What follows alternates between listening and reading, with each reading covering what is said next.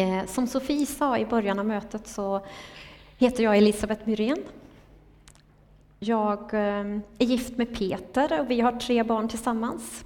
Och den här församlingen har fått vara mitt andliga hem i över 30 år. Det är fantastiskt. Till vardags så arbetar jag för eh, Värmlands största arbetsgivare, nämligen landstinget i Värmland. Och jag finns måndag till fredag uppe på Centralsjukhuset. Men idag så har jag fått förmånen att dela Guds ordet tillsammans med er. Och det har jag valt att göra under rubriken Att sträcka sig mot Jesus. Och den text som har landat i mitt hjärta den utgår ifrån Lukas evangeliet. Och det är ett evangelium där Jesus samlar stora skara människor och där han undervisar i form av liknelser. Och liknelser det är en livsberättelse som vill peka på och lära oss viktiga sanningar. Och jag vill läsa ifrån Lukas 8 och 43 till 48. På vägen dit trängde sig folket på honom och i folkhopen fanns en kvinna som lidit av blödningar i tolv år och inte blivit frisk, trots att hon har lagt ut allt hon ägde på läkare. Hon närmade sig nu Jesus bakifrån och rörde vid hans mantel. I samma ögonblick stannade blödningen. Vem rörde vid mig? frågade Jesus. När alla nekade sa Petrus, Mästare, det är så många som tränger sig på från alla håll. Men Jesus sa till honom, Nej, det var någon som medvetet rörde vid mig, för jag kände att läkande kraft gick ut från mig. När kvinnan förstod att Jesus visste om hennes tilltag, så började hon darra och föll ned på knä framför honom. Hon berättade varför hon hade vidrört honom och att hon hade genast blivit frisk. Dotter, sa han till henne, din tro har botat dig. Gå i frid. Denna livsberättelse handlar om en kvinna som har varit sjuk i tolv år. Ingen har kunnat hjälpa henne. Ingen läkare och ingen annan har kunnat hjälpa henne att bli av med sin sjukdom. Hon levde också i ett samhälle och ett sammanhang där hon ansågs oren. Ingen judisk man fick vidröra en kvinna som blödde. Sammantaget så måste alla hennes misslyckande och besvikelser gjort att hon kände sig väldigt liten, säkert väldigt ensam.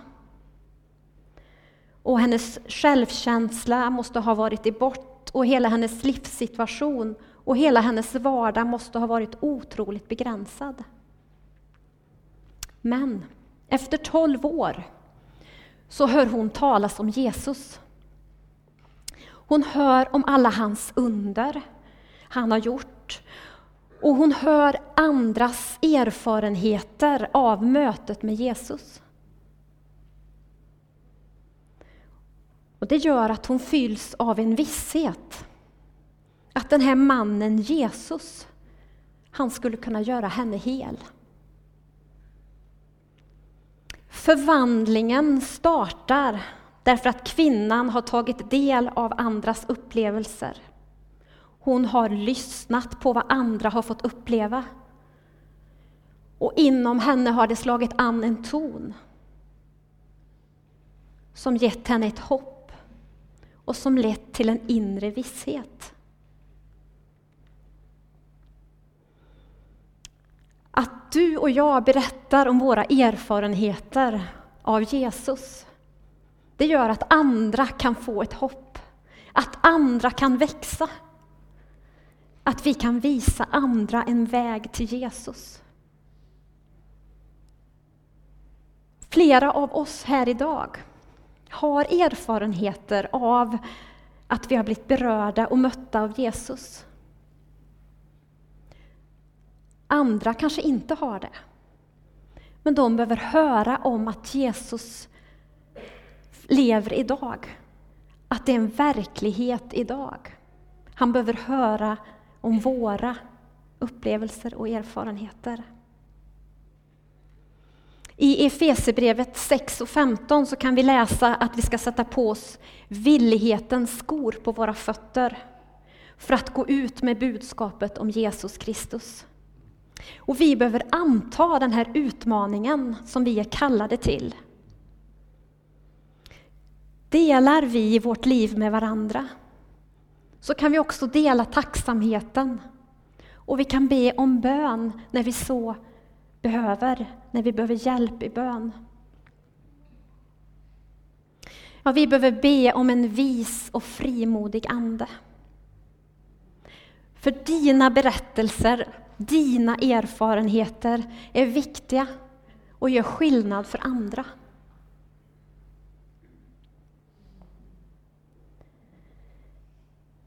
Kvinnan uppvisar också ett fantastiskt mod då hon beslutar sig för att hon ska gå ut bland allt folk och försöka komma nära Jesus. Hon gör det trots att hon ansågs oren och trots att det var svårt att nå fram till Jesus i den där stora folkskaran. Men hon gjorde det med ett enda fokus. Att få sträcka sin hand mot Jesus. Det får vi också göra.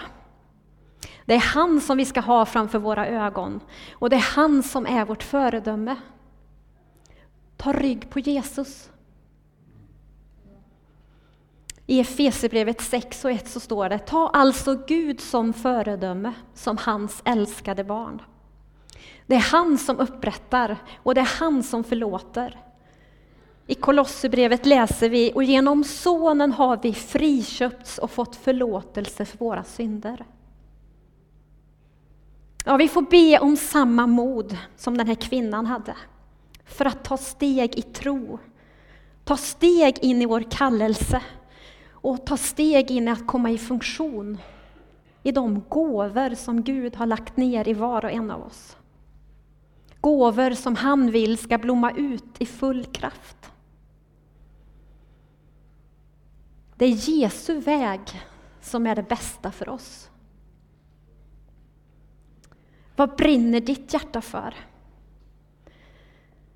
Kanske ska du gå på bönens väg som Cecilia berättade om och komma med i kraftkällan på våra onsdagar. Att prioritera det onsdag efter onsdag. Eller är du inte med i en servicegrupp så kanske du ska gå med och tjäna i en servicegrupp. Brinner du för våra barn så kanske du ska bli vår nästa barnledare. Eller kanske är du vår nästa växa-gruppsledare. Vad kallar Jesus dig till? Vad brinner ditt hjärta för?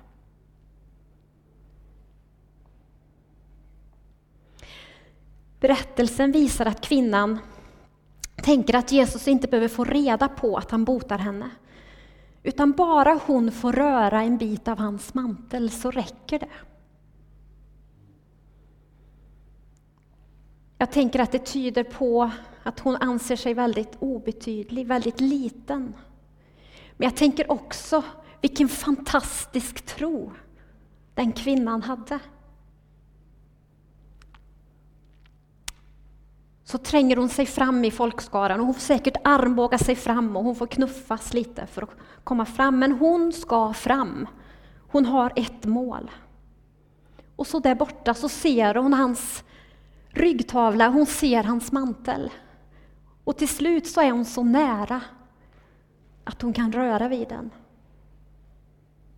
Och genast blir hon hel. Ett mirakel sker. Hennes förväntningar var att bli helad. Hennes tro bar. Hennes tro förändrade. Och hennes tro förvandlade. Hur är det med dig och mig? Vilka förväntningar har vi när vi kommer tillsammans för att fira gudstjänst? Förväntar vi oss ett vidrörande? Förväntar vi oss en förvandling?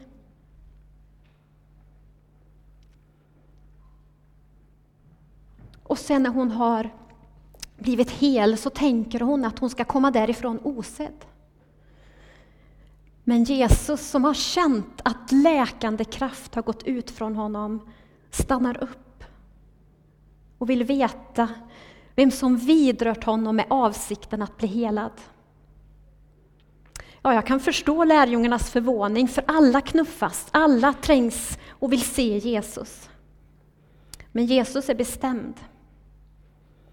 För han vet om kvinnan, han känner henne. Han vet om hennes situation.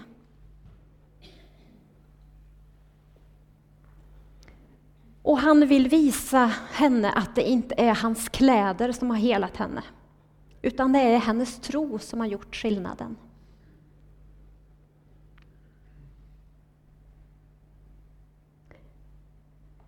Och vi som har kommit till den här gudstjänsten, vi är ju alla olika. Vi tänker olika. Vi har olika perspektiv på saker och ting. Och vi kommer också till Guds hus med olika förväntningar, med olika sinnesstämningar och behov. Men det fantastiska är att vi är alla skapade av hans hand, till hans avbild.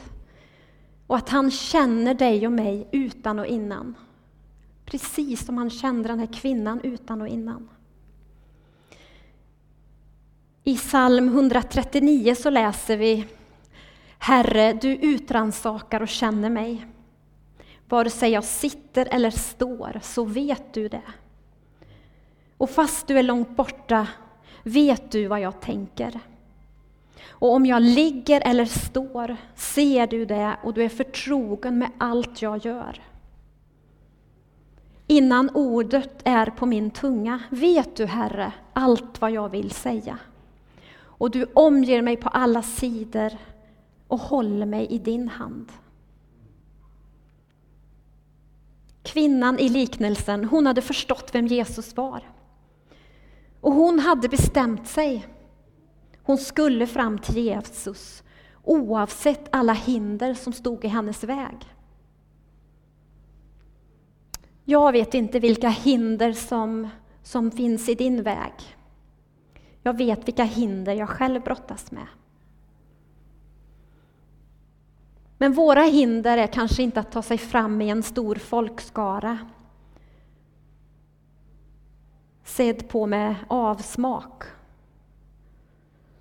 men kanske är det att få tiden att räcka till stressen, att vi inte kan prioritera otillräckligheten eller att vi ska klara allt själva.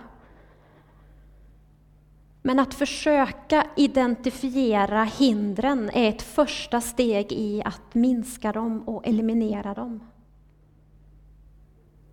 Ja, vad är det som hindrar dig och mig från att utveckla relationen med Jesus?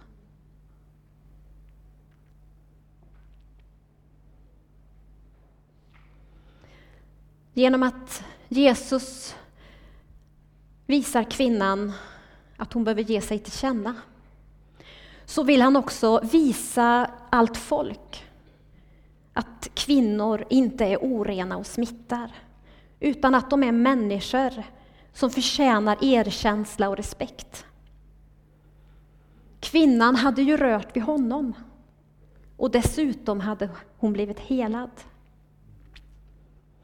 Alla andra i folkskaran hade samma möjlighet att ta ett steg i tro, att ta ett steg och röra vid honom och få vara med om ett under. Vem i berättelsen identifierar du dig med? Är det kvinnan och hennes längtan att få ett vidrörande av den högste? Eller är det folkhopen som hänger med och betraktar? Bestämmer du dig för att närma dig honom, så som kvinnan gjorde? så har han lovat att han ska närma sig dig. Vi läser i Jakobs brev 4 och 8. Närma er Gud, så ska han närma sig er. Det är ett löfte, ett löfte ifrån Gud. Ja, den här synen som samhället hade på kvinnan, den ville Jesus tvätta bort. Han ville hela och han ville upprätta. Precis som han vill hela och upprätta dig och mig här idag.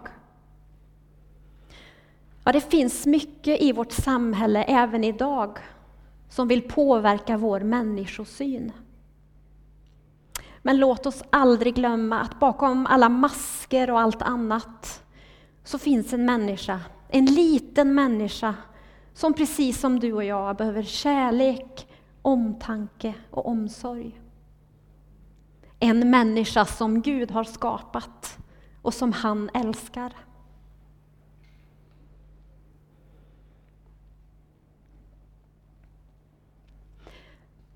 Hösten 16 eh, var en tyngre tid i mitt liv. Mina föräldrar hade gått bort och nu gick också min bror bort. Och jag hamnade i något slags vakuum. Av en god vän så fick jag låna boken Ett brustet halleluja av Thomas Sjödin. Det är en bok som handlar om kyrkklockor. Fast som inte alls handlar om kyrkklockor. Utan som handlar om att hitta en tro som bär genom livets alla skiftningar. En tro som bär i vardagen. Det som talade och vidrörde mig var att livet kan göra att jag ibland brister. Men inte i den bemärkelsen att jag går sönder. Utan i den bemärkelsen att jag kan öppna upp mig för Jesu helande kraft. Att den kraften kan få lysa i mitt inre, rakt in i min brustenhet. Så att jag från djupaste delen av mig själv kan prisa Herren, ge mig hän i ett tydligt men kanske brustet halleluja.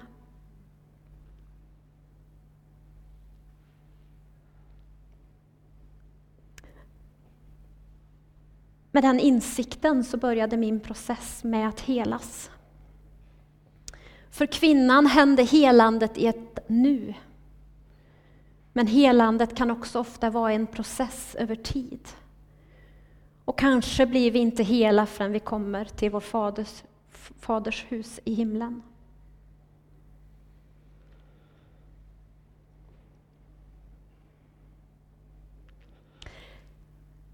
Jesus finns inte på det fysiska sätt som han gjorde för kvinnan. Vi kan inte se hans ryggtavla och vi kan inte ta på hans mantel. Men när Jesus stod på korset så lovade han att inte överge oss. Han lovade att vi inte skulle bli ensamma. Och som det står i Johannes 14. Men hjälparen, den heliga Ande, som Fadern ska sända i mitt namn, han ska lära er allt och han ska påminna er om allt jag har sagt. Frid lämnar jag kvar åt er, min frid ger jag. Jag ger inte det som världen ger. Känn ingen oro och tappa inte modet. Den heliga Ande är vår hjälpare som går med i din och min vardag.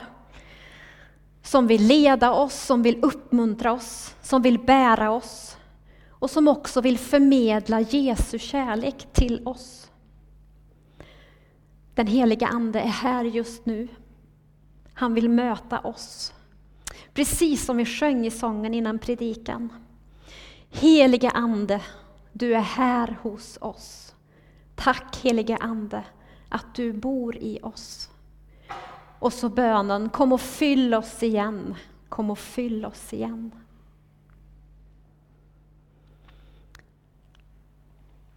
Ja, Jesus gav sin frid till kvinnan när han sa Dotter, din tro har hjälpt dig. Gå i frid. Och samma frid vill han ge till dig och mig rakt in i våra liv, rakt in i vår vardag. Förmedlad genom den helige Ande.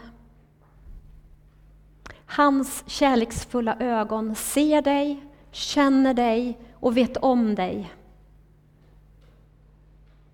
Och du kan alltid få sträcka din hand mot hans osynliga mantel.